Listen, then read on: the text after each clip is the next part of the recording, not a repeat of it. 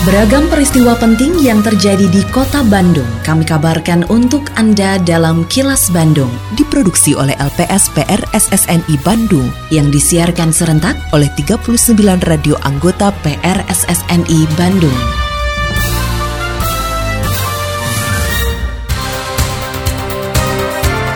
Sejumlah informasi aktual kami hadirkan untuk Anda dan inilah informasi utamanya. Bandara Hussein Sastra Negara akan kembali melayani rute internasional. Daya beli masyarakat sudah mulai pulih. Dinas Kesehatan Jawa Barat menyediakan vaksinasi di pos mudik. Saya, Santika Sari Sumantri, inilah kilas Bandung selengkapnya.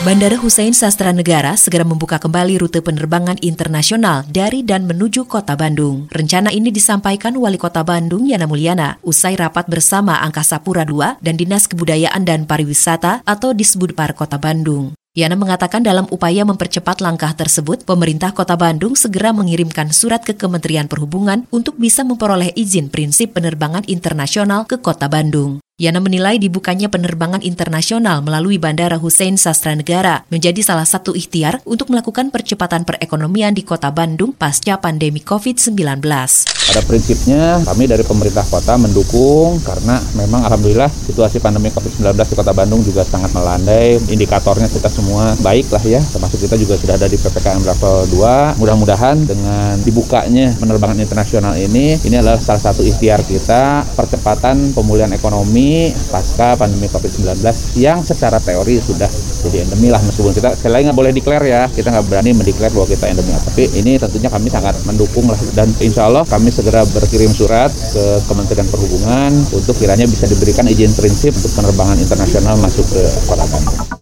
Dibukanya kembali rute internasional melalui Bandara Hussein Sastra Negara di Kota Bandung karena adanya permintaan dari sejumlah maskapai penerbangan internasional. General Manager Angkasa Pura II Hussein Sastra Negara, Chin Asmoro mengatakan sejumlah perusahaan penerbangan tersebut antara lain Air Asia, Lion Air, dan Malindo Air yang melayani rute Singapura-Bandung juga Malaysia-Bandung. Sedangkan untuk mengantisipasi penyebaran kasus COVID-19 dari pelaku perjalanan luar negeri atau PPLN melalui Bandara Hussein Sastra Negara, Chin mengatakan pihaknya berencana menggunakan metode tes dengan air liur dan bukan tes PCR di hidung. Hal ini dilakukan untuk meningkatkan efektivitas dan efisiensi waktu. Meski begitu pihaknya akan membahas lebih lanjut dengan Dinas Kesehatan sebelum menerapkan kebijakan tersebut. Ini kaitan juga soal pemulihan perekonomian ya. Jadi dengan COVID-nya juga sudah mulai rendah dan kami bersama bersama dengan Dinas Pariwisata juga. Kemarin juga sudah melakukan rapat dengan maskapai juga dengan stakeholder terkait. Dan sekarang kami datang ke Pawari untuk minta dukungan dan restu ya. Apabila memang memungkinkan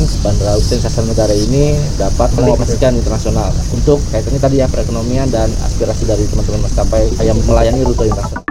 Kepala Dinas Perdagangan dan Perindustrian atau Disdagin Kota Bandung, Eli Waslia menilai saat ini daya beli masyarakat di Kota Bandung sudah mulai pulih. Hal ini terpantau dari jumlah pengunjung di pusat perbelanjaan juga pasar tradisional yang kembali meningkat setiap harinya. Eli menyebutkan menjelang lebaran ini, harga kebutuhan relatif stabil. Hanya ada beberapa komoditas yang mengalami kenaikan, namun kenaikannya masih pada batas toleransi. Saya menilai daya beli justru meningkat ya, ekonomi semakin membaik. Karena tidak hanya di pasar ya, kita kan kemarin juga melihat di monitoring di pusat-pusat perbelanjaan, itu warga banyak yang berbelanja. Berarti kan ekonomi sudah membaik ya, daya beli meningkat kalau menurut kami gitu. Ini menunjukkan bahwa kesehatan pulih, mudah-mudahan ekonomi membaik meningkat ya.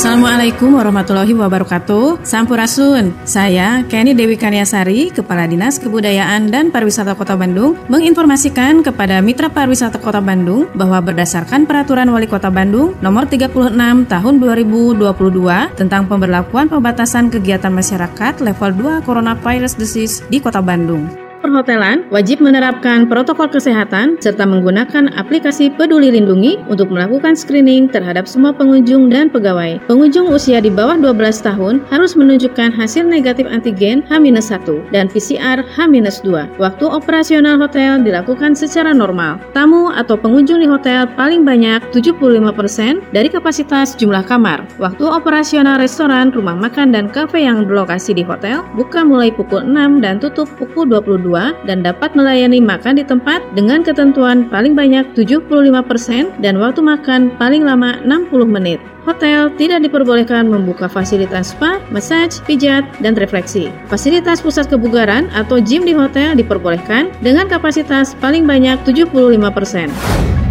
Ayo mitra pariwisata, bersama-sama kita wajib melaksanakan protokol kesehatan, pencegahan, dan pengendalian penyebaran COVID-19 secara ketat, konsisten, dan disiplin.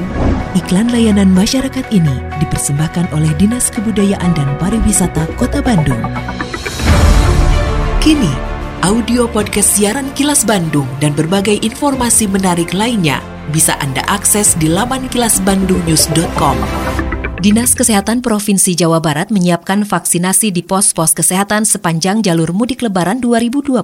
Kesiapan ini dilakukan untuk melayani masyarakat yang mudik namun belum mendapatkan vaksinasi COVID-19 baik vaksin pertama, kedua maupun booster. Kepala Dinas Kesehatan Provinsi Jawa Barat, Nina Susana Dewi mengatakan, untuk vaksinasi di pos mudik, pihaknya menyiapkan tiga jenis vaksin, yaitu AstraZeneca, Pfizer, dan Moderna. Nina menyatakan stok vaksin untuk memenuhi kebutuhan masyarakat menjelang lebaran tahun ini dipastikan aman. Kita upayakan, makanya SDM-nya harus siap, termasuk urusan dengan vaksin. Kalau nanti kita lihat bahwa vaksinnya baru sekali, itu kita akan berikan swab PCR. Tapi kalau vaksinnya sudah dua kali, swabnya antigen. Dan itu kita siapkan tiga jenis vaksin ada yang kita akan distribusikan ke mereka. Pfizer, Moderna, AstraZeneca. Jadi, dan kabupaten kota sudah siap. Mereka menyiapkan petugas untuk dilakukan vaksinasi. Itu juga akan kita lakukan untuk keamanan kita semua. Pokoknya kalau vaksin, kita siap. Dinas Kesehatan, kita mempunyai mempunyai stok yang cukup untuk kita bagikan ke kabupaten kota dan kabupaten kota juga masih ada sisa. Kurangan di kabupaten kota kita siap untuk meminta ke Kemenkes dan kita siap untuk mendistribusikan.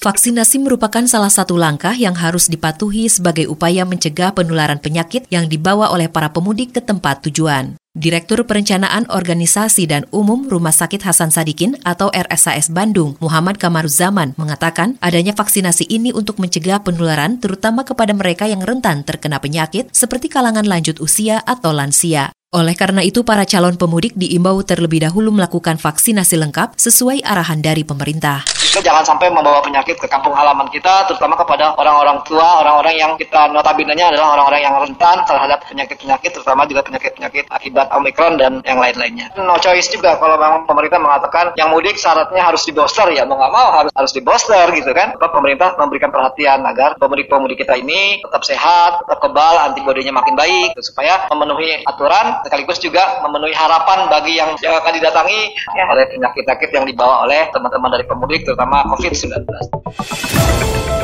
Assalamualaikum warahmatullahi wabarakatuh. Sampurasun, warga kota Bandung yang saya hormati dan saya cintai. Saya Tono Rusdiantono, Kepala Dinas Sosial Kota Bandung menghimbau kepada seluruh warga kota Bandung Para wisatawan dan para pengguna jalan Untuk tidak memberikan uang atau sedekah kepada pemerlu pelayanan sejahteraan sosial atau PPKS Di antaranya anak jalanan, gelandangan, dan pengemis Karena mengganggu ketertiban umum dan kelancaran arus lalu lintas Selain itu, saya juga meminta kepada seluruh warga kota Bandung untuk tidak menggalang dana atau meminta sumbangan di tengah jalan dengan dalih apa pun. Terlebih kegiatan itu tanpa mengantongi izin resmi dari Dinas Sosial Kota Bandung. Apabila Anda menemukan adanya PPKS maupun penggalangan dana, diminta partisipasinya untuk melaporkan hal tersebut kepada Dinas Sosial Kota Bandung. Salurkan donasi Anda hanya melalui lembaga resmi. Wassalamualaikum warahmatullahi wabarakatuh.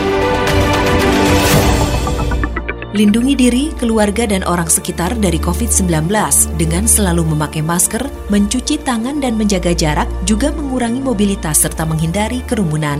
Patuhi protokol kesehatan di masa adaptasi kebiasaan baru untuk mencegah penularan virus corona.